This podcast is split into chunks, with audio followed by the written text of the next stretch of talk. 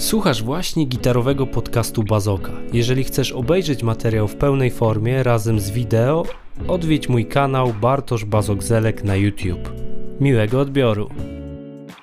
Witajcie moi drodzy słuchacze, drodzy widzowie, z tej strony Bazok, a to kolejny odcinek gitarowego podcastu. Dzisiaj goszczę u siebie Maćka Karbowskiego z Tides from Nebula, ale możecie go też kojarzyć ze studia Nebula Studio, ewentualnie z kanału, który dopiero rozkręca, więc porozmawiamy sobie tak trochę przekornie. Nie o sprawach zespołowych, choć też się pojawią takie pytania, ale głównie właśnie o działalności na YouTubie i działalności studyjnej. Więc witam Cię Maćku. Cześć, dzięki za zaproszenie, witam wszystkich. E, może właśnie to będzie najlepszy temat na początek, czyli w ogóle jak czujesz się na YouTubie? Patrzyłem na Twój kanał, wygląda świetnie. Ogólnie to Dziękuję. zazwyczaj YouTuberzy zaczynają od zera i, i starają się jakby jakimiś tam podstawowymi środkami pierwsze filmy kręcić. U ciebie od razu to wygląda zawodowo, więc wydaje mi się, że chyba masz już jakieś doświadczenie związane z kręceniem filmów, czy to dopiero początek? Jak to u ciebie wygląda? Wiesz co, y, bardzo ci dziękuję w ogóle, że tak sądzisz, y, ale doświadczenia nie mam żadnego.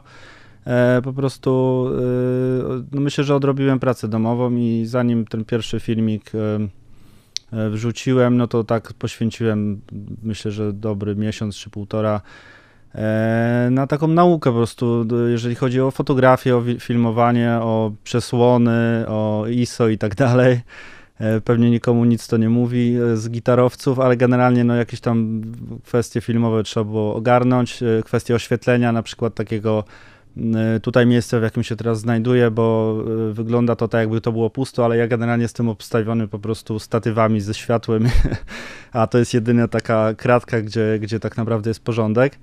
Y, więc, więc starałem się to robić po prostu od początku dobrze, ale całą wiedzę nabyłem w tym roku tak naprawdę. Okay. No to ale nie naprawdę... jest to tajemna wiedza, to można wszystko szybko ogarnąć. Jasne. Szapoba, bo wiesz, y, na przykład jakbyś zobaczył moje pierwsze filmy, a teraz te, które kręcę, to jest taka przepaść. Zresztą Ale to chyba tak na tym jest, polega nie? nauka, nie? No. Ale fajne jest to, że wjechałeś od razu, wiesz, profesjonalnie, bo to na pewno, jeżeli ktoś wejdzie na twój kanał, a gorąco zachęcamy, to nie odbije się, wiesz, od takich materiałów sprzed trzech lat, które były nagrywane kamerką internetową. No, ale z drugiej strony, wiesz co, tak naprawdę y, najważniejsze jest to, co, to, co jest y, tym mięsem filmu, nie? Ta treść i mhm. e, forma jest oczywiście ważna, ja lubię ładnie zrealizowane materiały, y, lubię generalnie na przykład kanały takie właśnie filmowe, kanały o fotografii, e, zawsze mnie to jakoś jarało, mm, ale y, najważniejsze jest to mięso, nie? Czyli, czyli co tak naprawdę się dzieje w, w, materiale, jeżeli to są szkolenia, to co jest w tym szkoleniu, jeżeli to jest jakiś vlog, no to żeby on też miał sens, nie? Także jeżeli to jest po no prostu jasne. jakieś mamrotanie w dobrej jakości wideo, no to nikt tego i tak nie będzie oglądał, podejrzewam. Zgadza się. A powiedz mi, bo przeglądałem kanał i jakby pokazujesz pracę producenta, realizatora od y, kulis, nie? Pokazujesz mhm. jakieś rzeczy związane z poradami dotyczącymi miksu, dotyczącymi doboru sprzętu. Widziałem tam jakieś porównania. Jak, o czym w ogóle ma być ten kanał docelowo? Bo z tego co patrzyłem, tam jest około 30 filmów chyba, więc pewnie tak. dopiero. E, czy już masz wszystko zaplanowane, czy, czy na razie jeszcze szukasz? Wiesz co, nie. Zrobiłem sobie, ja generalnie jak cokolwiek mi wpada do głowy, jakikolwiek pomysł na e, na materiał, to po prostu dopisuję go do listy. Mam taką listę 50 filmów i, i po prostu sobie je realizuję w miarę jakby ochoty tak naprawdę, bo czasami po prostu niektóre materiały wymagają do dużo więcej pracy, niektóre są e, łatwiejsze do zre zrealizowania. I e, aczkolwiek no, cały ten kanał ma się opierać e, tak naprawdę na muzyce i e, natomiast nie chcę, żeby to był też kanał stricte gitarowy, bo ja generalnie nie jestem, nie czuję się jakby osobą, która może kogokolwiek uczyć, czegokolwiek, jeżeli chodzi o na przykład grę na gitarze, bo jestem po prostu bardzo miernym gitarzystą. Ale dużo wiem na temat tego po prostu, jak funkcjonuje takie bycie w zespole, czy bycie na przykład e, e, na miejscu takiego właśnie realizatora czy producenta, e, bo po prostu tym się też zajmuję, oprócz grania w zespole, więc to jest no, wokół tak naprawdę tego, co robię na co dzień, ale generalnie jest to związane wszystko z muzyką, więc myślę, że jeżeli ktoś się interesuje takim życiem od kuchni e, muzyka, czy, czy realizatora, czy właśnie jeżeli chodzi o aspekty nagrywania, bo też w te aspekty mocno będę wchodził e, już tak konkretnie. Tutaj będą, to jest ten jeden aspekt, który chcę szkoleniowo e, poruszyć, to, to będą właśnie miksy, mastering i, i, i właśnie te kwestie produkcyjne muzyki. Mhm. A powiedz mi w ogóle skąd zajawka, żeby wystartować z kanałem?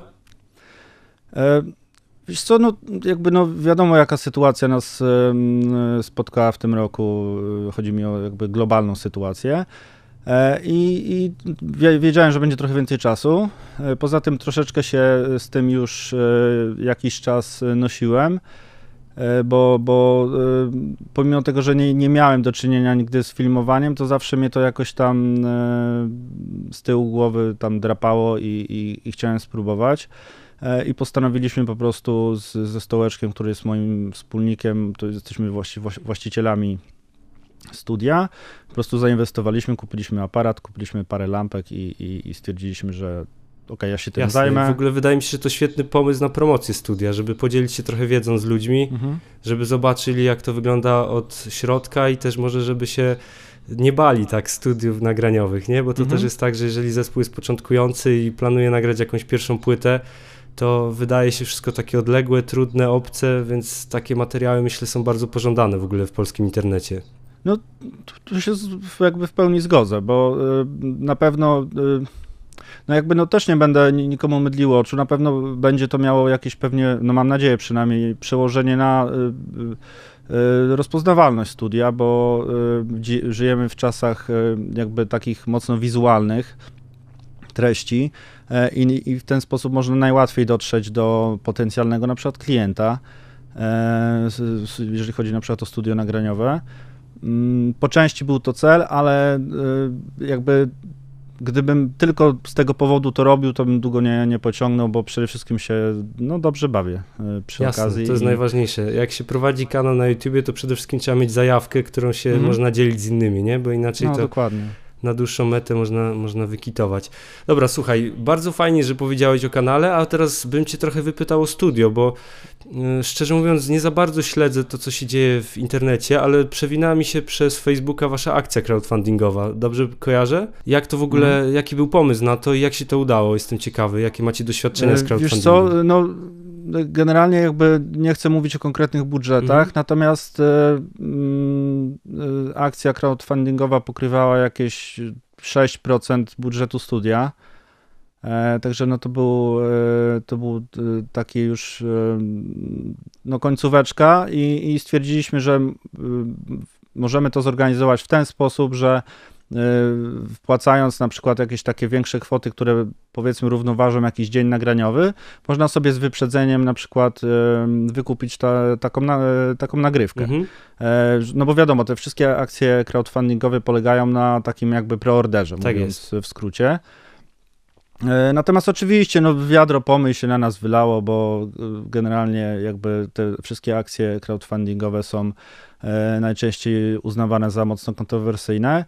E, I czasami takie są, muszę przyznać, e, ale e, generalnie to, no nie wiem, wyda wydawało nam się to w miarę takie uzasadnione i dostaliśmy dużo, dużo wsparcia od ludzi. Nie chodzi o wsparcie finansowe, tylko o wsparcie takie mentalne, bo tak jak mówię, dostaliśmy po głowie, jak duża część ludzi, którzy w ogóle odpalili taką akcję crowdfundingową, ale to też było już z 5 lat temu, Mhm. także już tak naprawdę o tym e, nie myślę. I z perspektywy czasu, gdybym miał, no gdybym miał po prostu e, cofnąć czas, to szczerze mówiąc nie warto było, bo tak jak mówię, to było kilka procent wartości w ogóle inwestycji, e, a e, no trochę nerwów nas to kosztowało, bo e, bo szczerze mówiąc, no ja, ja nie lubię takich sytuacji jakichś konfliktowych, Jasne. nie? a nie jest mi to jakby to potrzebne do... do Wiesz co, ja na przykład żyję z crowdfundingu, więc wiem jak to wygląda. No ale e, to jest, mówisz o Patronite, tak, tak? tak, dokładnie. No ale to jest trochę na takiej zasadzie, że ty masz jakichś swoich studentów, I, I oni po prostu od ciebie w pewien sposób otrzymują no, szkolenia, jakieś indywidualne, tak jakieś grupowe pewnie, tak? I, I, jakby no, to jest jakieś community i to jest w pełni świadoma, taka zamknięta grupa ludzi, który, która chce cię wspierać. Mhm, ale wiesz co, ale to się tak ja... zaczęło od zupełnie czegoś innego, nie? Bo pierwsze jakby moje kroki na Patronajcie to było wystawienie kapelusza tak naprawdę wirtualnego, więc teraz to ma już taki okay. obraz, bo robię to od dłuższego czasu ale też jakby mhm. byłem tam, gdzie ty, ze względu, wiesz, na, na to, jak ludzie się odnosili na przykład do zakładania profilu na Patronajcie.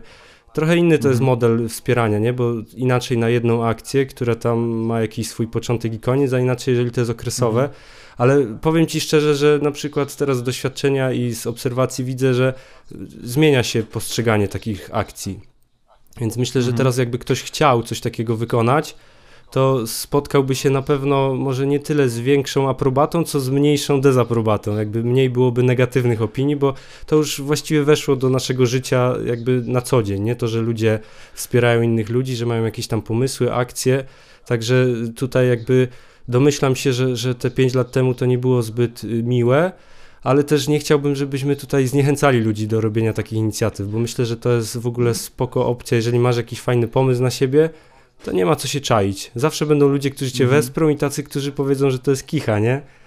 Y, znaczy, wiesz co, ja też nie chciałbym być hipokrytą w tym momencie, natomiast muszę jedną rzecz powiedzieć, że e, część akcji y, crowdfundingowych wydaje mi się e, niezbyt przemyślana. To jest, e, czasami zdarzają się po prostu zbiórki na płyty zespołów, które funkcjonują na przykład jakiś czas i Wiesz co, najczęściej i, tak te, te, te akcje kończą się y, jakby nie, nie zebraniem kwoty mhm. jakiejś i czasami też, y, no jakby ja znam realia finansowe rynku y, i, i czasami te kwoty na przykład na produkcję płyty bądź na tłoczenie płyty są trochę zawyżone, uważam. E, czasami są też zaniżone, e, co, co rzadziej ma miejsce, ale czasami jest tak, że budżet już ten crowdfundingowy na przykład na produkcję płyty jest takim budżetem jak e, dla zespołu, który na przykład nagrywa trzecią czy czwartą płytę i ma bardzo duży fanbase, mhm. nie? Czyli to są takie budżety kilkanaście tysięcy złotych, gdzie pierwszą płytę y, zespołu, którego no jeszcze nikt nie zna. Myślę, że mm, jest to pewne za, za mocne wyciąganie ręki do ludzi, y, którzy de facto nie wiedzą jeszcze, z czym mają do czynienia. Nie? Natomiast y, to jest trochę trzeba każdy, na każdy przypadek patrzeć inaczej. Ale jeszcze na przykład z drugiej strony, ja na przykład nigdy nie komentuję takich rzeczy. Nie? Mhm.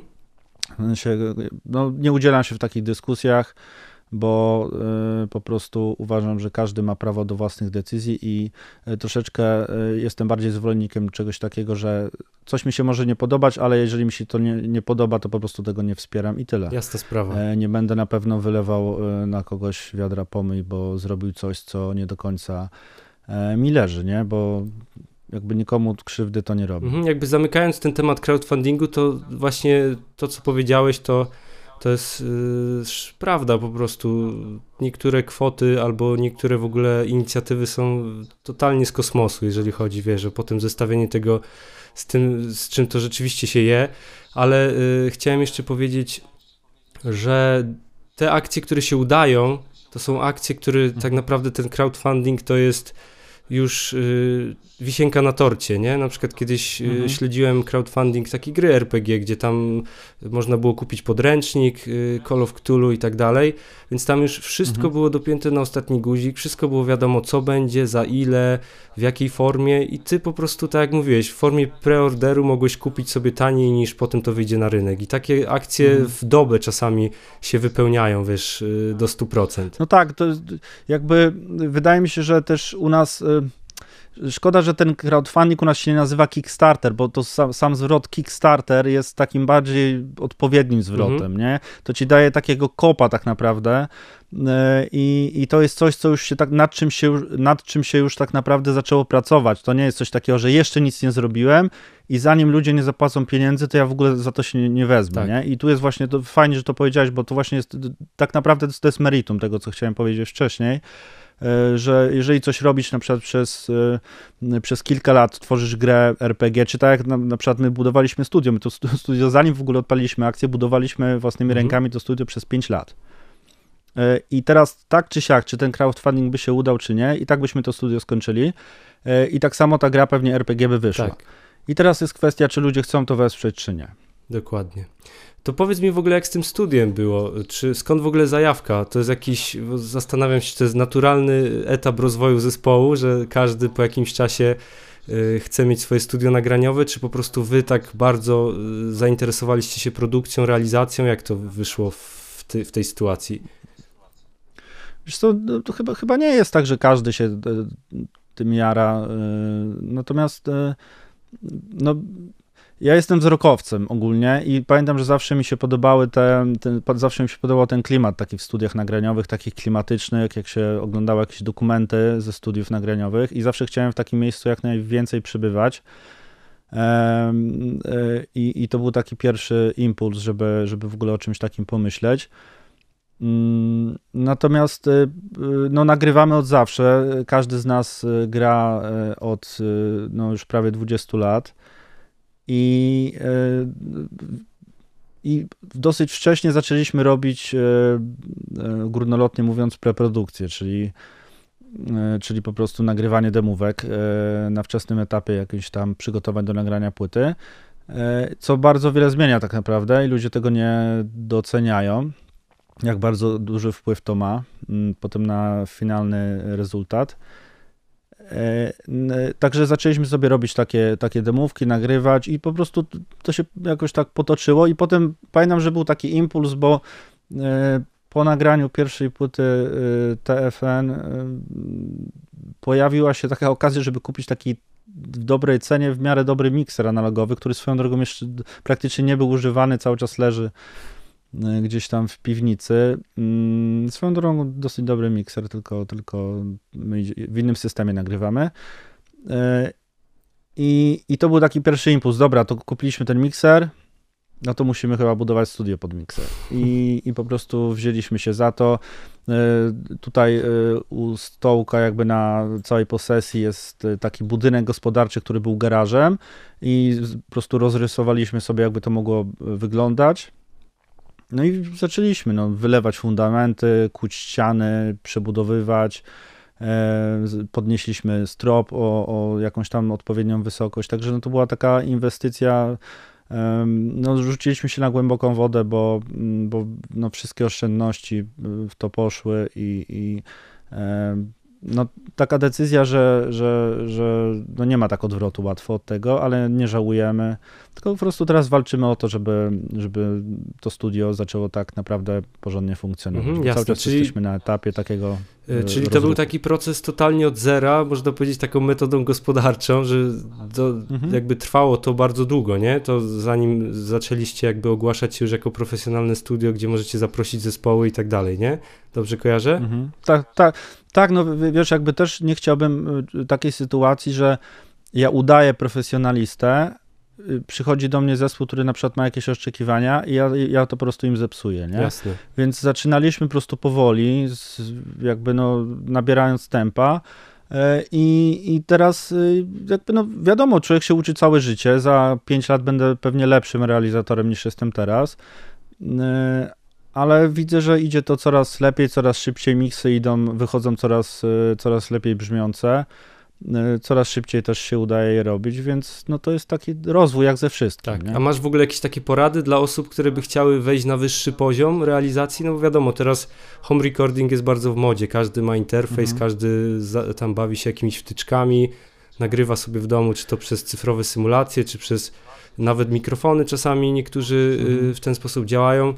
Od czego w ogóle zacząć, jeżeli byś chciał kiedyś w przyszłości działać jako profesjonalny realizator ze swoim studio? Czy są jakieś, wiesz, inwestycje, które można poczynić na początku, które cię nie zrujnują, a które jakby wzniosą twoje produkcje na wyższy poziom? Czy jest w ogóle coś takiego? Jak oceniasz? Znaczy, wydaje mi się, że to praktyka, bo tu nie ma żadnej magii w tym. Trzeba po prostu robić miksy i, i jak się 30 czy 40 nagrań zrobi średnio, to potem się okazuje, że się jakieś z tego wnioski wyciągnęło i można iść dalej. E, tak jak mówiłeś o YouTubie, nie? Pierwsze filmiki jakieś tam, potem nauczyłeś się czegoś i to szło coraz lepiej. Po prostu teraz twoja wiedza na ten temat y, jest dużo większa.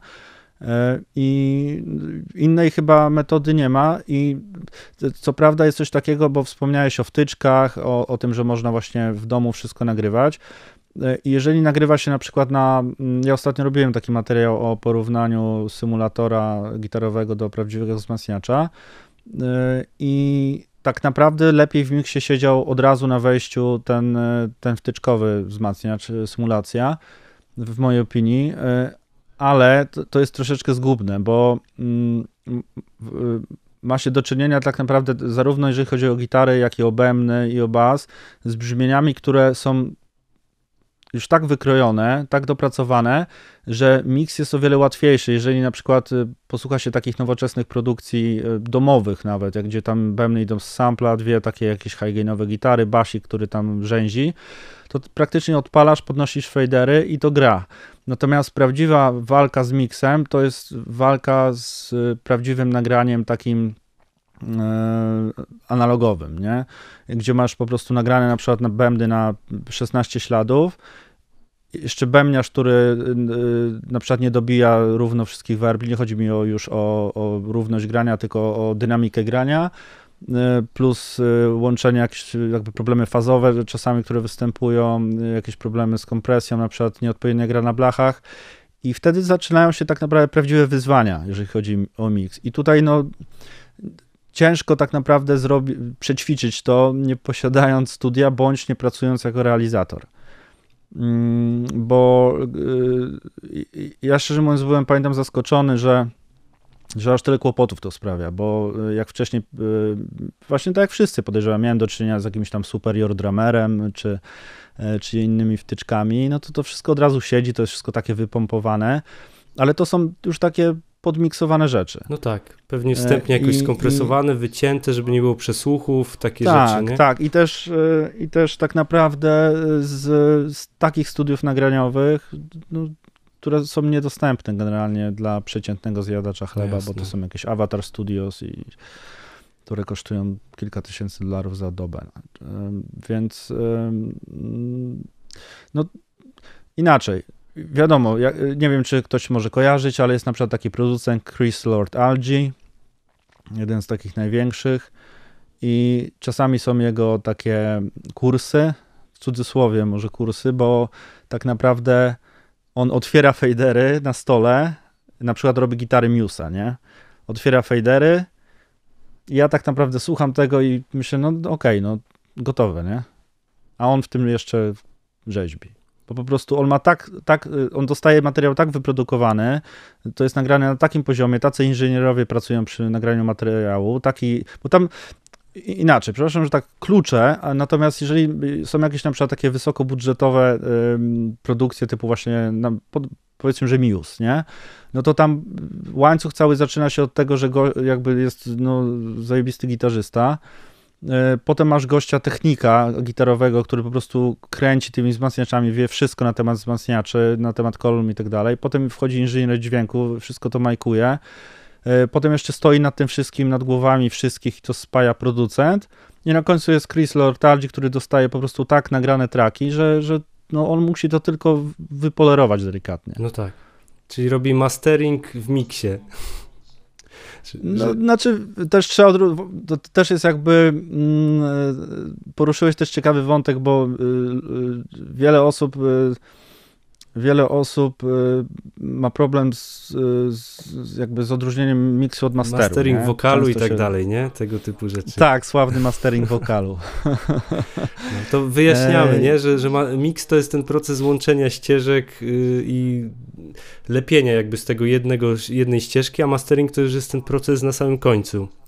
Na sumie. Tak. Generalnie jakby y, mix właśnie polega na różnych procesach, na, na trackach, tak jak mówisz, a y, y, i zgodnie ze szkołą jakąś tam powinno się powiedzmy y, mix gotowy do masteringu zgrać do tracka stereo i wtedy na tym tracku stereo robisz sobie y, mastering. No dokładnie. Y, Ale tam już masz małe pole do popisu. Tak naprawdę mastering powinien tylko delikatnie wyszlifować. Jeżeli dobrze jest zrobiony mix, to mastering delikatnie ten mix podgłośni, ale praktycznie nie powinno być żadnej różnicy. Wiesz co, Więc, y, właśnie jeden z patronów zapytał, jak przygotować mix do masteringu i ja tu nawet mogę odpowiedzieć, mimo że nie mam dużego doświadczenia w tej dziedzinie, po prostu sam mix musi brzmieć tak dobrze, że mastering to jest tylko podgłośnienie, opisanie ścieżek i tam powiedzmy mm. ustandaryzowanie, nie? Żeby to brzmiało tak inne nagrania mhm. ze względu na głośność i tego typu zagadnienia. Dobrze myślę? Mhm. Znaczy tak, no myślę, że tutaj e, e, no, trzeba jakby uświadomić e, tej osobie, nie wiem jak ma na imię. Przemek. Przemek, to Przemku, słuchaj, generalnie jakby to, to nie jest, znaczy poruszyłeś taki temat, to, to, nie jest przygotowywanie miksu do masteringu, bo tak naprawdę mix jest najważniejszy tak. i, i generalnie płytę się miksuje, a potem mastering jest tym ostatecznym szlifem. Zresztą któraś płyta, nawet któraś z ostatnich płyt Iron Maiden była w ogóle bez masteru puszczona. E, na zasadzie takiej, że stwierdzili, że zrobią tak dobry mix, że, że płyta będzie bez masteringu, żeby zachować dynamikę. I tak zrobili. I podejrzewam, że większość słuchaczy się nawet nie zorientowała. Pewnie tak. E, dobra, a powiedz mi jeszcze, e, jeżeli chodzi o prowadzenie studia, skąd ty czerpiesz wiedzę? To jest bardziej doświadczenie, czy jakieś kursy, czy wykształcenie z tym, z tym związane? Jak, skąd mm, najlepiej według Wyksz... ciebie y, brać jakby, wiesz, zasób wiedzy do tego, żeby samemu być dobrym y, realizatorem i producentem? Wiesz co, wykształcenia nie mam. Jak, jak znaczna część realizatorów, których znam tak naprawdę, którzy w środowisku siedzą, więc mi to absolutnie nie przeszkadza. Myślę, że doświadczenie, sporo materiałów jest na przykład na YouTubie, natomiast e, trzeba z tych materiałów umiejętnie korzystać, bo kiedyś e, takie fajne, fajną, fajnej zasadzie czytałem, jakby 80-20, 80-20 e, rule, czyli poświęć 20% na przyswajanie jakiejś tam wiedzy, a 80% chodzi jakby tej, tej wiedzy używać, czyli praktykuj. E, I no, to jest klucz do, do, do myślę, że większości e, fajnych rezultatów, żeby po prostu e, szybko jak, jakiś tam nowy pomysł na, nie wiem, mix stopy podłapać od kogoś, bo to wszystko się opiera na jakichś tam patentach tak naprawdę, na tym, że ktoś ma jakiś sposób, ktoś ma jakiś inny sposób i trzeba te takie wszystkie triki u siebie gdzieś w głowie kumulować, a potem mieć cały ten taki wachlarz tych właśnie metod, który można w odpowiednim e, momencie e, wyciągnąć e, w danej sytuacji. A tak naprawdę i tak na końcu najważniejsze jest doświadczenie, bo, bo ucho się też uczy, nie? bo to nie jest tak, że hmm, przynajmniej moim zdaniem nie, nie funkcjonuje to raczej tak, że człowiek ma po prostu taki, wiesz, super słuch, że jeden realizator, świeżak po prostu usiądzie i to wszystko y, dobrze zrobi, tylko naprawdę jest kwestia doświadczenia i e, e, i po prostu nauki tego, jak na przykład co, co, y, co reaguje, jak, jaki wpływ ma jedna rzecz na drugą rzecz, więc myślę, że najważniejsza jest praktyka i no, praca w studium pozwala właściwie na taką praktykę. No, no niestety, no trzeba po prostu robić. No jasne. Działać. Po prostu trzeba działać. Więc mam kolejne pytanie od Marcina tym razem. Skąd napływały pierwsze poważniejsze zlecenia na mix nagrywki? Czy to jakaś poczta pantoflowa, czy jakiś inny sposób mieliście promowania swojej działalności jako studio, jeszcze zanim zaczęliście funkcjonować tak powiedzmy na pełnej, nie? Ze wszystkim gotowym i, mhm. i, i, i, z całym tym skończonym remontem i, i miejscem, gdzie już można zapraszać zespoły, bo pewnie działaliście cały czas, nie? To nie była kwestia, że studio jest pod kluczem i dopiero wtedy zaczynacie szukać zleceń. E, to znaczy, było, był taki okres, że 3 czy 4 lata, tak jak mówię, no, budowaliśmy i nic tu się nie działo, bo nie było warunków mhm. absolutnie. E, natomiast był taki moment, że skończyliśmy reżyserkę i skończyliśmy live room i od tego momentu stwierdziliśmy, że dobra, zaczynamy sesję, a resztą, całą resztę, czy jakąś tam kuchnię, korytarz będziemy robić w tak zwanym międzyczasie. E, a jeżeli chodzi o rozruch studia, no to e, myślę, że najważniejsza jest poczta pantoflowa i, i po prostu zadowolony klient przyprowadzi kolejnego zadowolonego. Ogólnie to tak działa cała Więc... branża muzyczna, jakbyście byli ciekawi, mhm. że to nie jest tak, że wrzucicie swoje ogłoszenie, że jesteście gitarzystami w internecie i nagle posypią się zlecenia, jakieś nagrywanie studyjne, sesyjne, czy tam koncerty, tylko zazwyczaj to wygląda tak, że jeden drugiego poleci, ten drugi się sprawdzi, zagra jakiś koncert, pozna kolejną osobę i tak, tak się cała ta branża kręci, więc obstawiam właśnie, że tak jak mówisz, że zarówno prowadzenie studia, jak i życie, w ogóle muzyka opiera się na poczcie pantoflowej. Tak, tak. No, do, do gardła się nikomu nie, nie, nie wepchnie niczego i ludzie są też e, e, mocno uczuleni na to. E, co zresztą czasami widać na jakichś forach, bo, bo jest pewna taka mm, pewien taki hmm, nie wiem jak to określić, ale generalnie jest spora ilość y, y, takich domowych producentów, którzy y, stosują niestety na przykład ceny dumpingowe, nie?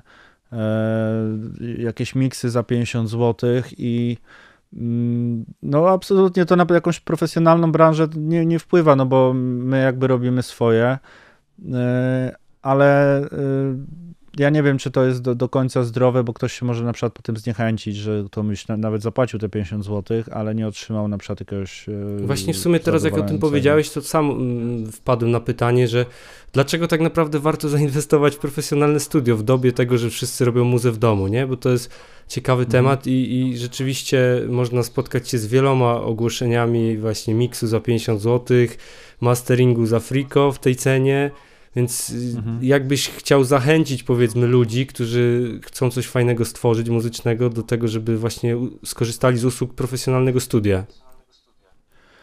Y, wiesz co, no ja bym, ja nikogo nie chcę jakoś tam specjalnie namawiać, nie? Natomiast y, y, trochę liznęliśmy ten wątek przy okazji y, tych symulacji na przykład gitarowych czy, czy perkusyjnych. Wydaje mi się, że studio to nie tylko jakby jest kwestia tego, żeby podstawić mikrofon i, i po prostu wcisnąć rekord, tylko jest kwestia tego, żeby mieć jakiś taki wspólny pomysł na, na płytę i żeby ta płyta brzmiała inaczej niż reszta płyt.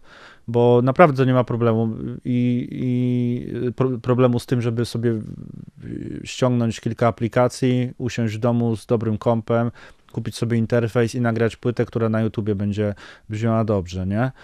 Mm, I naprawdę nie ma z tym problemu. Co prawda, no, trzeba to potem zmiksować i zmiksowaniem już nie jest tak łatwo, bo nawet jak są te dobrze brzmiące gitary, dobrze brzmiące bębny, no to jednak, żeby to się wszystko zgadzało, no to trzeba coś tam ogarniać, nie? jeżeli chodzi o mix i master.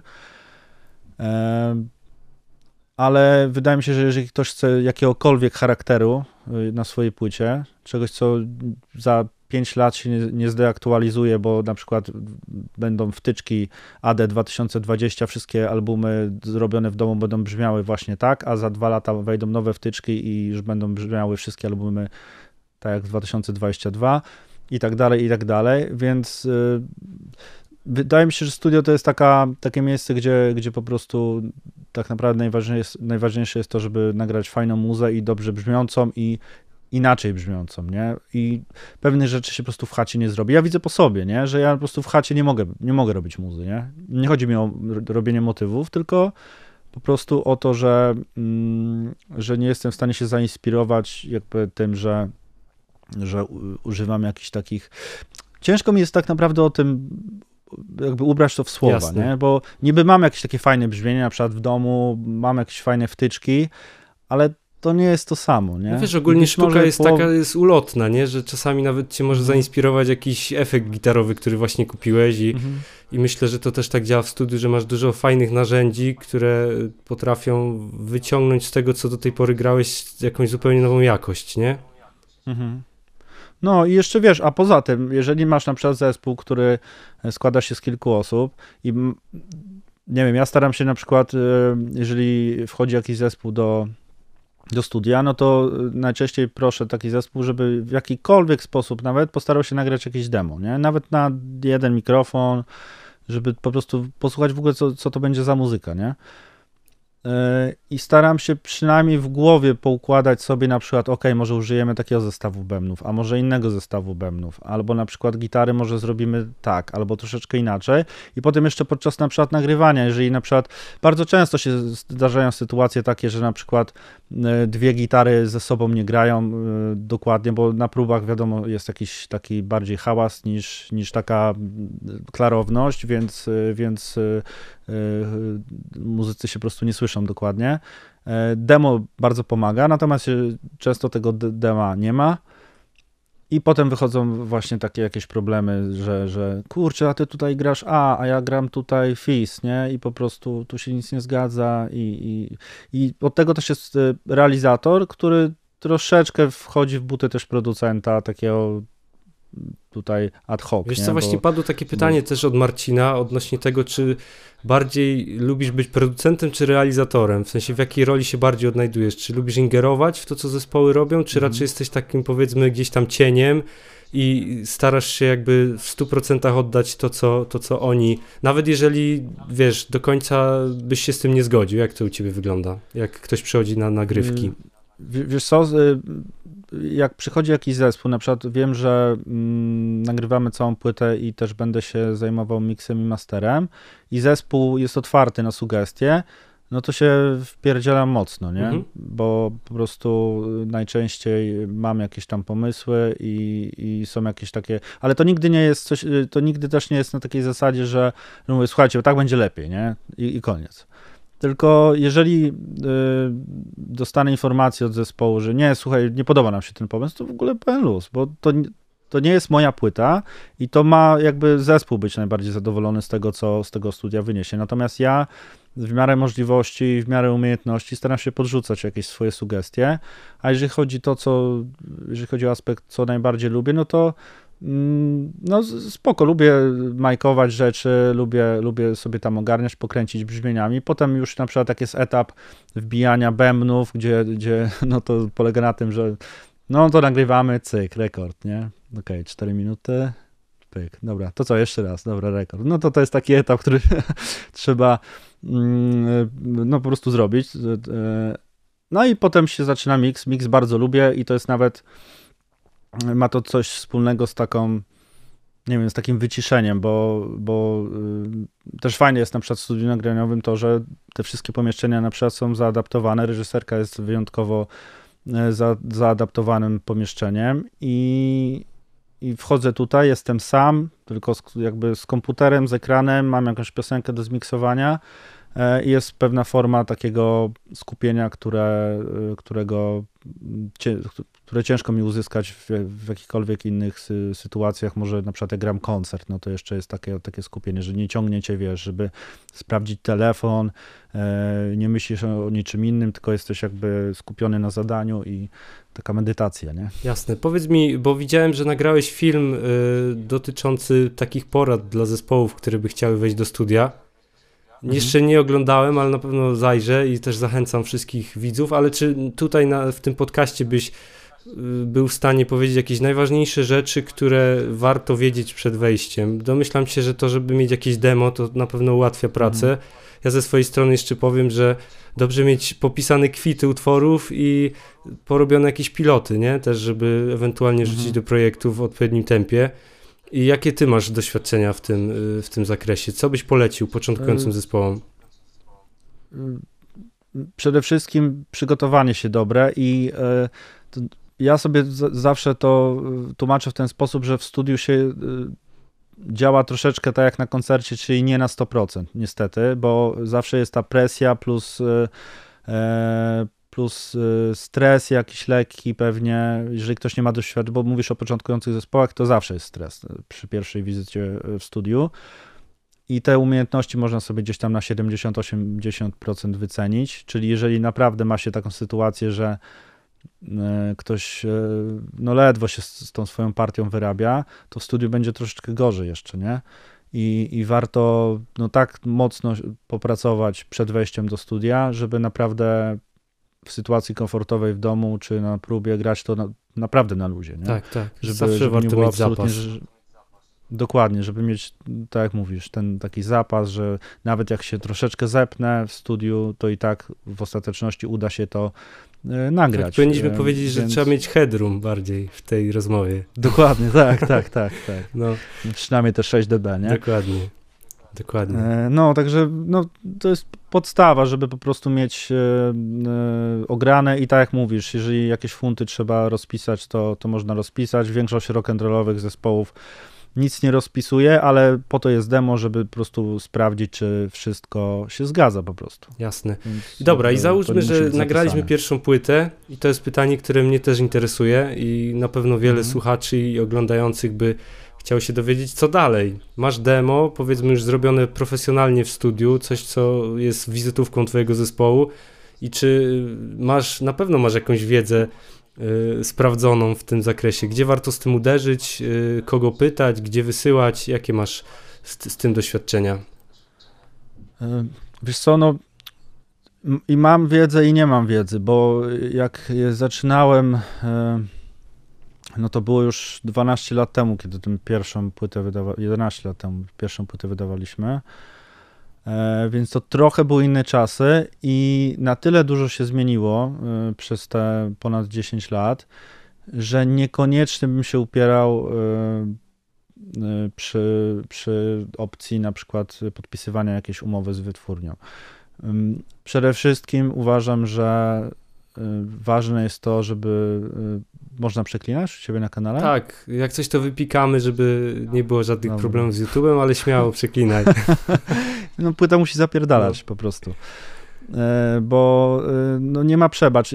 Trzeba sobie cały czas odpowiadać na pytanie, dlaczego ktoś ma w ogóle włączyć twoją płytę, jeżeli ma obok płytę Dyftonsów na Mhm. przykład, nie? Czy, czy płytę kogokolwiek innego. To jest tak samo z każdą E, dziedziną życia, nie? Czy tam jesteś fotografem, czy youtuberem, musisz zawsze jakby patrzeć na siebie z perspektywy takiej trzeciej osoby, gdzie porównujesz się do innych i musisz trzeźwo ocenić swój poziom, nie?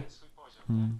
No dokładnie, bo no, co z tego, że tam, nie wiem, żona, czy, czy brat, czy kolega ci powie, że ale super rzecz robisz, e, bo, bo to nie ma znaczenia tak naprawdę. Ważne jest to, czy, czy po prostu ktoś, kto trafia niechcący na, na coś, co robisz, cokolwiek to jest, jaka, jakakolwiek forma sztuki, bo o tym teraz mówimy, to, to musi być na tyle dobre, że po prostu kogoś to łapie i nie musisz nikomu wpychać tego do gardła po prostu pięścią, tylko, tylko sama mm, w tym przypadku muzyka musi być na tyle dobra, żeby, żeby kogoś e, przekonać. I bez tego niestety to się nie uda. To jest podstawowy warunek i e, ja na, na Q&A chyba o tym mówiłem i to są takie brutalne rzeczy, które e, ludzie po prostu powinni sobie uświadomić, że mm, że po prostu zespoły, które, które coś osiągają, to mają po prostu najczęściej po prostu fajne płyty przede wszystkim, więc trzeba naprawdę na tym się skupić, zrobić naprawdę dobrą płytę. I teraz jest tyle form promocji, już zmierzając do meritum, e, jest tyle form promocji, można wrzucić to e, na YouTube na przykład, można to wrzucić na platformy streamingowe, Można używać wszystkich social mediów do promocji zespołu. Chodzi mi o to, że było kilka zespołów, które kilka, kilkanaście lat temu e, podpisały, rockowych zespołów, które Mhm. podpisały wyt- y, kontrakty z wytwórniami e, komercyjnymi, jakimiś dużymi, jakieś Universale, Warner Bros. i tak dalej. I to właściwie z tego, co kojarzę, to wszystkie te zespoły po jednej płycie albo się rozpadły, albo zostały zwolnione z, z kontraktu i po prostu dalej już poszła jeszcze jakaś może jedna płyta, taka już samodzielna i samodzielnie wydana i, i, i było po zespole. I to pokazuje, że tak naprawdę wytwórnia, nawet duża, która włoży jakiś tam konkretny pieniądz w, w promocję, nie jest w stanie nikomu niczego wepchnąć do gardła. I też czasami jest źle stargetowana wytwórnia, która stara się na przykład popowej publiczności bądź jakiejś takiej masowej publiczności wepchnąć coś, co jest tak naprawdę alternatywne. Jasne. E, więc e, no przede wszystkim fajna płyta, a potem wszystkie narzędzia są w naszych rękach w dzisiejszych czasach. Czyli jesteś nie? raczej I za niezależnym, y, byciem niezależnym artystą, zrobić gdzieś tam W swój kanał, czasach- Facebooki, wrzucać, polecać znajomym i jeżeli to będzie dobre, to samo się obroni. I te, znaczy też no, mam drugą złą wiadomość, niestety. E, Nie zawsze. Nie zawsze, trzeba mieć szczęście też. To prawda, też mi się tak wydaje. trzeba mieć e, trochę szczęścia, ale e, można temu szczęściu pomóc. E, na pewno ważna jest praca nad wizerunkiem zespołu, nad tym, jak ten zespół ma wyglądać, jaka ma być ta taka identyfikacja wizualna, jak to się Jasne. mówi ładnie. E, jak, e, mm, jak ma, ma być zespół postrzegany, czy to ma być poważny zespół e, w sensie wizerunku, czy ma być troszeczkę luźniejsza ta formuła. Taką rzeczą, którą można na pewno robić, żeby mieć taką ekspozycję na, na, na potencjalnych słuchaczy, jest to po prostu granie koncertów. I ja nie wiem, jak to funkcjonuje w dzisiejszych czasach, gdzie, gdzie na przykład, nie wiem, kilku dwudziestodwulatków zakłada zespół. E, ale no, czy, czy, oni grają próby, wiesz, na, na komputerach, czy, czy, czy po prostu się jednak spotykają cały czas e, ze sobą na sali prób. Ale no, trzeba dobrze grać koncerty i na przykład my się z, z moim zespołem mocno obroniliśmy koncertami, okay. nie? że po prostu wchodziliśmy i, e, i, i to naprawdę fajnie, fajnie żarło.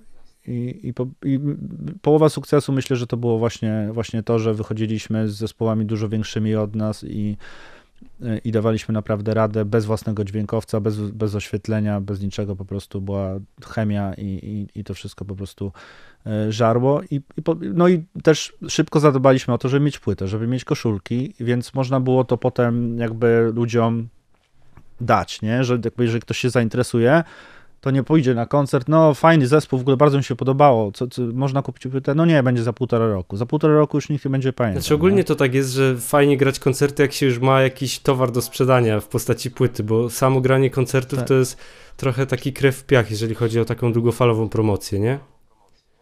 Tak, aczkolwiek no, trzeba się nauczyć tego tak, grania to, to też jest? Więc trzeba po prostu swoje, swoje zrobić. Każdy z nas tak naprawdę, mówię o kolegach z zespołu, e, każdy z nas 5, 6, 7 lat spędził na graniu koncertów do pust, pustych sal. I, I to była nasza szkoła, i więc jak już się zebraliśmy razem jako zespół nowy, no to graliśmy już na wysokim poziomie i mieliśmy ten etap nauki grania koncertów za sobą. Jasne. Wiesz co, mnie się wydaje w ogóle, że przez to, że mamy taki dostęp właśnie do mediów na zasadzie Instagrama, Facebooka, YouTube'a, to chyba w dzisiejszych czasach zespoły ogólnie padają y, ofiarą i w ogóle wykonawcy, e, jak, no, nieważne o kim mówimy, y, takiej niejakości, w sensie, że jedni od drugich ściągają, że wszyscy grają tak samo. Mam wrażenie, że żeby się w dzisiejszych czasach naprawdę przebić, to trzeba coś świeżego wprowadzić, nie? Bo jak się obserwuje tam różne gatunki muzyczne, słucha się tego, to y, najczęściej to wygląda tak, że ktoś coś wprowadził, a potem jest masa mhm. ludzi podążających jakby za tym nurtem. No i wiadomo, że jak jesteś drugi, lepiej być, e, mówi się, że lepiej być pierwszym niż lepszym, nie? Trochę tak. I, i trochę tak. Nikt nie chce słuchać kopii kogoś, nie? Dokładnie. Skoro, ma, skoro można mieć oryginał.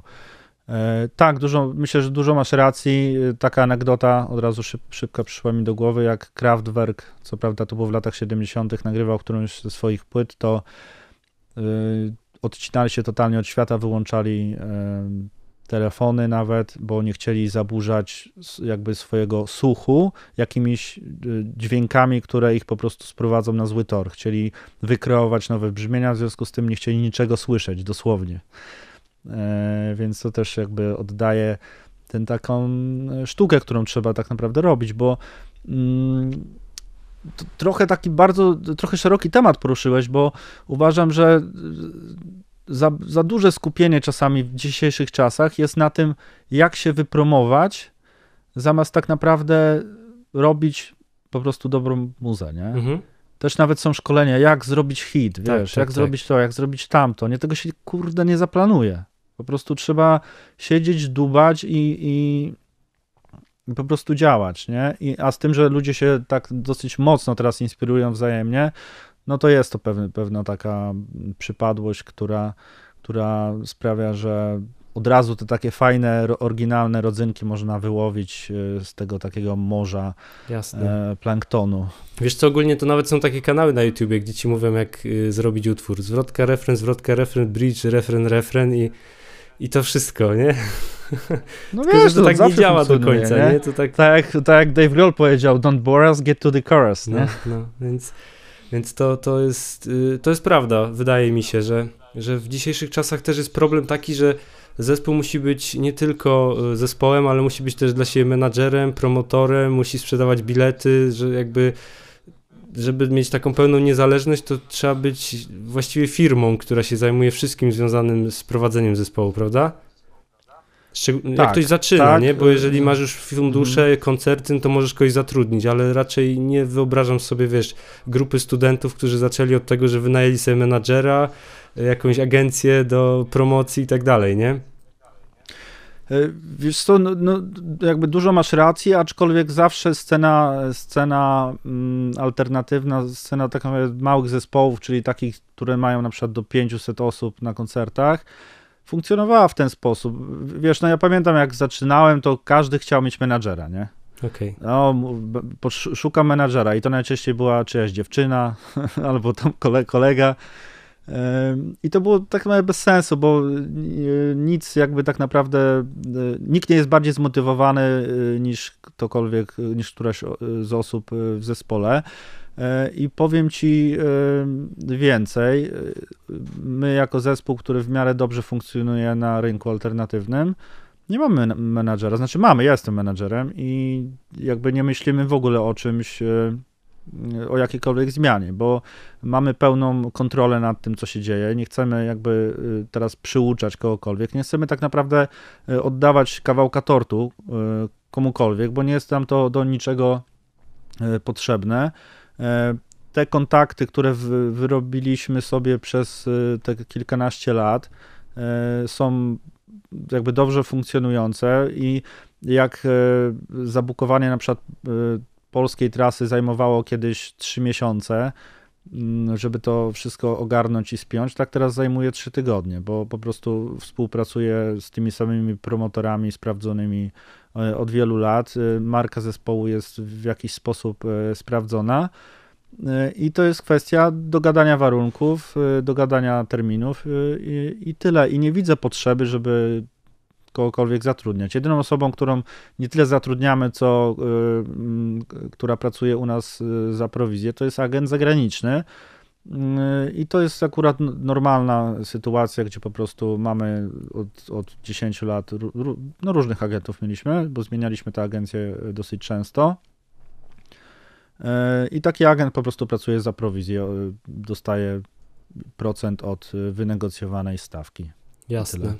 Wiesz co, myślę, że możemy zakończyć na tym, na tym etapie rozmowę o zespole, Mhm. czyli taka jakby konkluzja z tego wszystkiego płynie, że po pierwsze muzyka, nie? Trzeba się skupić na tym, żeby zrobić dobry produkt muzyczny, żeby tego się dało słuchać, żeby to była jakaś Mówiąc wartość brzydko. dodana. Proszę? Mówiąc brzydko, produkt No, no muzyczny. w tak. dzisiejszych czasach chyba można tak to nazwać, nie? Bo jednak, wiesz, jeżeli Mhm. chcesz zarabiać na tym, no to sprzedajesz produkt, usługę czasami się też mówi, ale wiadomo, no to ma być sztuka, to ma być coś, co, co, co Mhm. wywoła jakieś emocje przede wszystkim, nie? Bo muzyka No, ma coś wprowadzać do naszego życia. Mi się wydaje, że jeżeli ktoś myśli, bo cały czas rozmawiamy o rynku y, alternatywnym, Mhm. o, o, o muzyce takiej, która nie jest y, z gruntu rzeczy komercyjna, Tak. w sensie podejścia, więc jakby trzymałbym się jednak tego, że właśnie przede wszystkim myślmy o muzyce i jak już jest ta muzyka w naszym mniemaniu po prostu najlepsza, jaką jesteśmy w stanie zrobić na dany moment, to wtedy można się skupić na aspekcie komercyjnym, żeby po prostu wyciągnąć jak najwięcej pod względem tym właśnie marketingowym, promocyjnym z tego, co mamy, Jasne. co udało nam się zrobić pod względem artystycznym. No priorytety po prostu muszą być dobrze postawione, bo jeżeli jest słaba muzyka, to nawet najlepszy marketing nic, nic to nie wskóra niestety. Albo stety No tak, właśnie, były takie byli zalani takimi, yy, wiesz... Tak, i są, są przypadki takich zespołów, które widać, że mają bardzo wysoki budżet, y, ale y, nie udaje się tego wepchnąć ludziom do Mhm. gardeł. Słuchaj, bo już prawie godzinę gadamy, z tego co widzę. Może przejdziemy sobie jeszcze do takich technicznych pytań, bo widzowie, Mhm. patroni zadali kilka y, rzeczy, znaczy kilka tematów, które ich interesują właśnie z takich bardzo, powiedzmy już technikali, więc jeżeli ktoś, y, jeżeli ktoś jest zainteresowany, to może jeszcze chwilę zostać i posłuchać nas. więc co, zrobimy takie Q&A na sam koniec, dobra? Spoko, nie ma problemu. Więc tak, Szymon zapytał, jakie są twoje ulubione symulacje wzmacniaczy? W sensie to już implikuje, znaczy y, już zakłada, że używasz. Nie wiem, czy używasz, więc może najpierw, czy używasz y, do produkcji jakiejś symulacji? Wiesz co, y, nie, nie, nie powiem, że mam ulubione, bo generalnie nie używam, na żywo w ogóle nie używam. Ostatnio zacząłem grać próby po prostu, żeby nie podłączać wzmacniacza, nie rozstawiać mikrofonu, bo mi się po prostu tego nie chce robić. Bo my gramy te próby tak jakby w systemie studyjnym, więc sobie siadamy w reżyserce, bębny są mikrofonowane i tak jakby gramy w studiu, więc łatwiej po prostu to funkcjonuje i używam Neural DSP. Okay. I to jest, no, jeżeli chodzi o high gain, to jest w ogóle totalny sztos, jeżeli chodzi o takie crunchowe sytuacje, to jest przyzwoicie. Jasne. A dużo w ogóle miałeś, yy, znaczy interesowałeś się tym w dużym zakresie, czy po prostu trafiłeś na tam dwie, trzy wtyczki, akurat Neural okazał się takim sztosem, że już nie, nie warto było dalej szukać? Wiesz co, bo my dostajemy czasami, dostajemy trochę rzeczy w ramach endorsementów różnych mhm. i akurat Neurala dostaliśmy w ramach takiego endorsementu. E, cały, cały pakiet tych wtyczek, e, więc e, miałem wcześniej do czynienia z Guitar Rigiem na przykład, który jest dupy, uważam. Jest, zgadzam się w 100%. E, e, i, I tyle właściwie. Okej. Okay. No, byłem ciekawy, wiesz, bo niektórzy wybrali coś, bo powiedzmy siedzą cały czas w tych wtyczkach i tam wszystkie przetestowali, wiedzą, że ta jest najlepsza, czasami po prostu mhm. trafi się na dobry, dobry produkt i nie trzeba szukać dalej. Ostatecznie i tak mhm. jakby, mimo że masz milion brzmień pod ręką, to będziesz grał na tym jednym swoim, które najbardziej ci odpowiada. Nie wiem, czy też masz takie doświadczenia w tym temacie. No właśnie to mnie przeraża w tych wszystkich y, kemperach, fraktalach, to już są hardware'owe akurat sprzęty, że tam jest za dużo rzeczy na raz I, i ja mam problem z tym, wolę mieć troszeczkę mniej do wyboru. Ciężko w ogóle znaleźć jakiś punkt odniesienia przy tylu symulacjach, no. tylu różnych brzmieniach, co tak naprawdę byś chciał uzyskać, nie? Bo można cały dzień tak, przeklikiwać tak, się przez te profile. Tak, taka ilość per, permutacji jest, że, że można oszaleć zamiast się skupić na nagraniu. Mhm to tutaj jakby w 100% się. Ja przerabiałem dużo cyfrowych wzmacniaczy, znaczy cyfrowych wzmacniaczy, cyfrowych procesorów, właśnie Fractala, miałem też Kempera. Mhm. Helixy kilku się, kilka się sztuk przewinęło, bo znajomi uczniowie czasami podrzucali, żebym to pomógł ustawić. Powiem mhm. ci szczerze, że zabawka jest świetna jeżeli nie masz co zrobić z wolnym czasem, ale chyba lepiej poćwiczyć albo skupić się na tworzeniu niż, niż grzebać właśnie w tych wszystkich ustawieniach, bo każdy element ma taki wpływ, że czasami nawet nie kontrolujesz tego, co zmieniasz, nie? I czym mhm. osiągnąć jaki efekt, mając tam 30 parametrów do każdego wzmacniacza.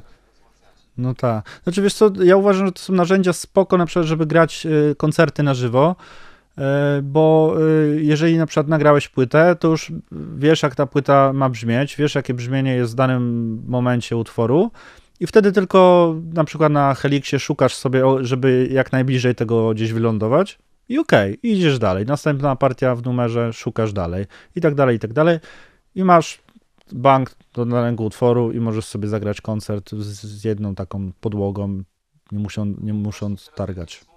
Więc y, teraz takie gładkie przejście, smooth transition, bo Konrad zapytał, y, czego używasz? Wolisz procesory czy kostki analogowe, czy tam cyfrowe? Jak to y, u ciebie wygląda z pedalboardem? Pewnie nieraz odpowiadać na to pytanie, bo tam nawet Guitar Stories pokazywałeś, nie? Cały swój rig. Mhm. Ale jakbyś mógł tak pokrótce powiedzieć, to bylibyśmy ci wdzięczni.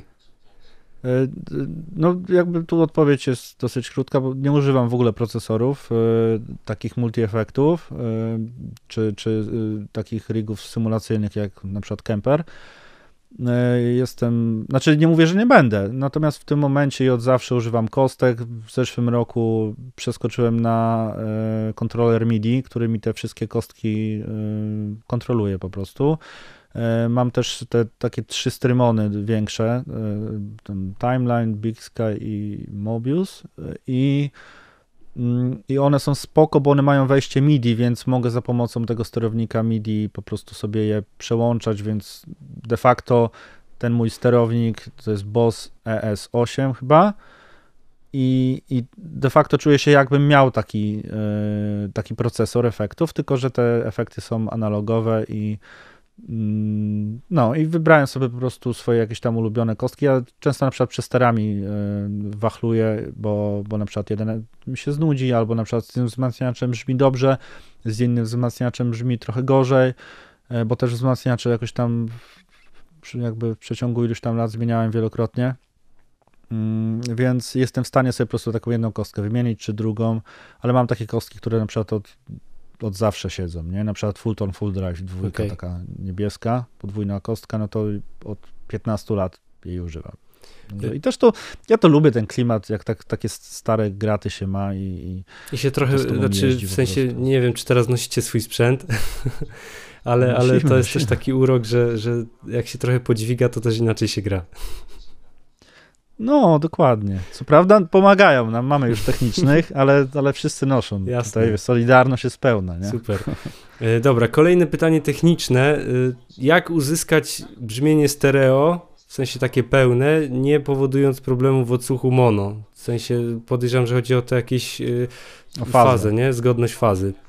Masz jakieś mhm. triki albo no. jakieś y, powiedzmy porady, takie ogólne, nie będziemy się tutaj zagłębiać. Mhm. Pewnie to będzie kolejny y, pomysł na fajny materiał na twoim kanale, nie? No można, można pokombinować, bo używałem Rigu Stereo, bo miałem taki y, zespół Moonglass i ja tam grałem na dwa wzmacniacze, bo tam była jedna gitara tylko, a nie dwie. Mm, I, i y, tylko, że tak, to są, można, to jest w ogóle fajny temat. Przede wszystkim, jeżeli grasz stereo, to warto mieć y, dwa takie same wzmacniacze, tak naprawdę. Ja używałem dwa razy Twina, y, Twin Reverba i teraz już ci mówię dlaczego, bo jak masz na przykład przester w kostce, to jak zapodajesz ten przester na dwa różne wzmacniacze, to wzmacniacz się zaczyna każdy inaczej zachowywać i wtedy może na przykład powstać e, problem z fazą. E, natomiast jeżeli masz taki sam e, wzmacniacz, to po prostu zadbaj o to, żeby mikrofony były w tej samej odległości. Mniej więcej, to też nie musi być jakoś super precyzyjnie. No i po prostu sprawdź, czy są w fazie, czyli jeżeli, jeżeli mm, no tak, to, muszę, muszę się wrócić, bo jeszcze może być taka sytuacja, że rozszywając sobie sygnał, na na przykład pogłosie albo na delayu, w zależności co tam używasz stereo. E, może na przykład na, e, na głośnikach na, jednej, na jednym ze wzmacniaczy być odwrotna faza, więc te głośniki jakby pracują odwrotnie niż, niż w drugiej niż w drugim wzmacniaczu. I na przykład, że, pamiętam, że miałem taką sytuację i warto mieć, warto mieć na przykład takie urządzenko, urządzonko jak splitter taki z, odwró- z odwróceniem fazy. Okej. Okay. Na jednym kanale. I wpinasz sobie w taki splitter, on rozszywa ci sygnał na, na dwa wzmacniacze i po prostu stajesz między tymi dwoma wzmacniaczami i od razu słyszysz, że jest przeciwfaza, nie? Że po prostu jest takie wrażenie, jakby ci taka jakaś próżnia wokół głowy okay. powstawała, to ciężko to opisać, ale przy gitarowych jakby brzmieniach, gdzie ten jakby ta głośność jest wysoka, to od razu słychać. To nie jest tak jak na monitorach studyjnych, że tak, kurde, to jest w fazie czy nie, mm -hmm. tylko od razu to słyszysz. Odwracasz fazę i nagle jest takiego, taki kop tej dolnej średnicy i dołu, że od razu czujesz, że okej. Okay, Jeszcze powiemy osobom, które nie wiedzą w ogóle o co chodzi, że problemy z fazą polegają na tym, że po prostu fale akustyczne się wygaszają wzajemnie. Tak, bo fala akustyczna to jest sinusoida, mhm. nie? I jak y, masz, tutaj dwa sygnały są, więc mogą iść albo razem. I się jakby wzmacniać, albo może jedna iść w górę, a druga w dół. Mhm. I wtedy jak się sumuje, to się kasuje, Dokładnie, nie? dokładnie, więc czasami... Bądź mogą, no. Takie pudełkowe brzmienie niektórzy to określają, nie? Tak brakuje właśnie mhm. czegoś, y, gdy macie, nie wiem, nagrywacie na dwa mikrofony i sobie membrany ustawicie względem głośnika tak, że właśnie się kasują te fazy, albo czasami nawet mhm. trochę przesunięcia już całkowicie to y, dewastuje brzmienie. Tak, e, natomiast y, są też na przykład takie sytuacje, że jak się na przykład ma dwa mikrofony na przykład na stopie, e, to, to odwrócenie fazy, gdzie to jest w przeciwfazie, brzmi fajnie, bo czasami jest ta stopa taka, taka ślapkata, nie? Mhm. I to czasami jest fajny efekt, więc to też nie jest tak, że zawsze, jeżeli coś gra w przeciwfazie, to, to jest źle, nie? No w sensie to już jest kreacja brzmienia, nie? Trzeba być świadomym mhm. tego, co się dzieje dookoła. Mhm. Że, że, czasami można nawet y, wbrew, wbrew zasadom zrobić coś, co się okaże świetną, świetną rzeczą. Mm, dobra, mhm. a jeszcze jeżeli chodzi o na przykład realizację nagrań, czy tam już bardziej mówimy tutaj o miksie, nie? Czy masz Mhm. jakieś y, doświadczenia z, ty, z tą y, jakby problemami z fazą? Jak najłatwiej sobie, jak najłatwiej tego uniknąć, żeby mieć szerokie brzmienie, a żeby, żeby nie było Ale potem mówimy o gitarze cały czas? Proszę?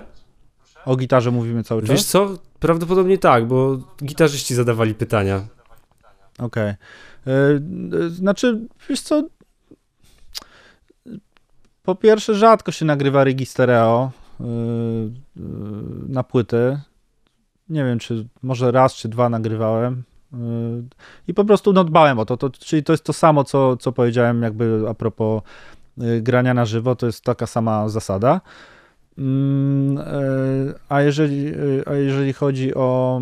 mm, Znaczy, no tak, natomiast jeżeli używasz, a najczęściej się używa też w studiu e, do nagrywania gitar nie jednego, ale na przykład dwóch, czasami trzech mikrofonów, chociaż to bardzo rzadko. No i wtedy trzeba zadbać o, o to, żeby mm, jakby membrany dwóch mikrofonów były po prostu w tym samym miejscu. Czasami mikrofony mają membrany na przykład głębiej w obudowie, niektóre mają płycej w obudowie, więc trzeba wiedzieć Tak. na przykład jak mikrofon jest zbudowany e, w środku, żeby, żeby ustawić te membrany e, zgodnie ze sobą. Czasami to jest też kwestia e, najzwyczajniej w świecie sprawdzenia. Jak na przykład nagrywa się jeden mikrofon bardzo blisko głośnika, a drugi jest na przykład mikrofonem ambientowym, który stoi na przykład nie wiem, 2 metry od, e, od e, wzmacniacza, e, no to tutaj się nie sprawdzi fazy z centymetrem, tylko trzeba po prostu włączyć oba mikrofony tutaj w reżyserce, odwracasz sobie fazę i tak, okej, po prostu bierzesz to na ucho, nie? Mhm. Czy- Można też w dawie zerknąć, lepiej, czy nie? Jak te, jak te y, obwiednie tam częstotliwe, znaczy te waveformy się kształtują, szczególnie z tymi mikrofonami blisko siebie. Widać, gdzie są szczyty, gdzie są spadki, można czasami też po tym dojść do tego, przynajmniej czasami tak sprawdzam. Tak, tylko że ja to, to w przypadku jak masz e, blisko Tak, tak, ujęcie, tak, blisko. dwa mikrofony jak masz bardzo blisko, Mhm. bo one dostają praktycznie ten sam sygnał, natomiast jak już oddali się na przykład, na przykład o te dwa metry, to już ta sinusoida nie ma nic wspólnego Jasne. z tamtą i, i tu, już, tu już nic nie, nie zrobisz na, na oko, nie? Tak, tak naprawdę.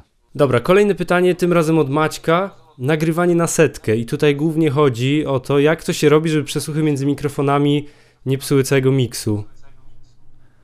Maciek, z tego E, co ko- sorry, jeszcze ci wejdę w słowo. Mhm. Maciek y, na przykład ostatnio podsyłał mi nagrania perkusji, gdzie miał problem właśnie z tym, że się niektóre mikrofony wzajemnie wygaszały.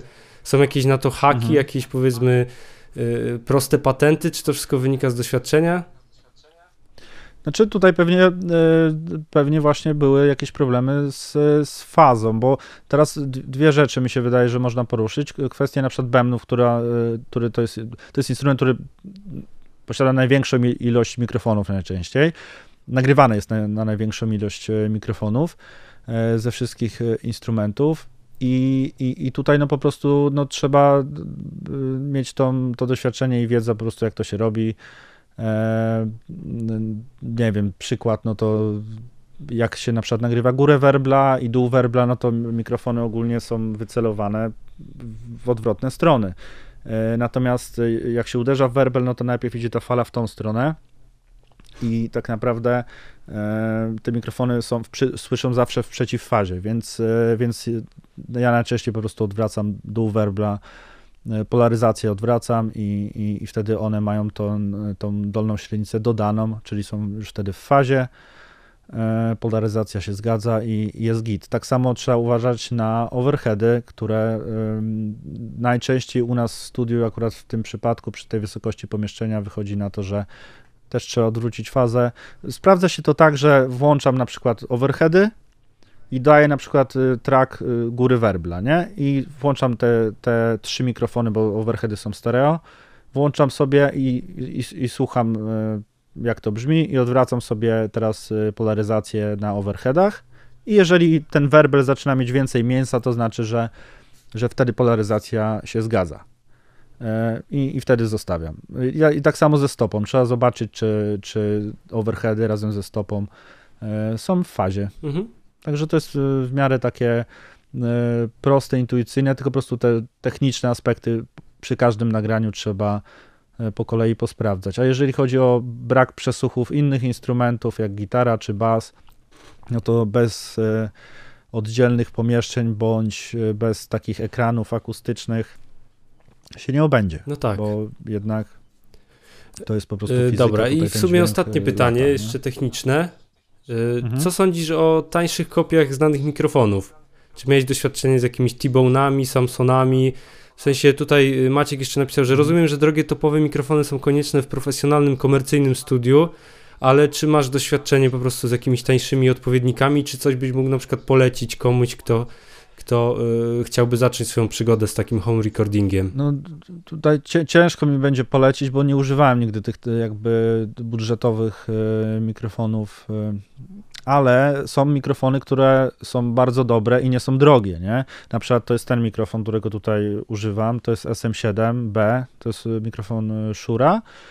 E, I jeżeli na przykład myślisz o nagrywaniu wokalu, to zdecydowanie nie pchałbym się w jakąś tanią pojemnościówkę za 1000 zł, tylko pomyślałbym, żeby dołożyć troszeczkę i kupić właśnie Shure SM7, e, bo on po prostu to jest, to jest profesjonalny mikrofon i, i to jest jeden z w ogóle z moich ulubionych mikrofonów e, ever, nie? Mhm. Także no, są mikrofony, które, które po prostu dają radę. SM58 jest bardzo dobrym mikrofonem.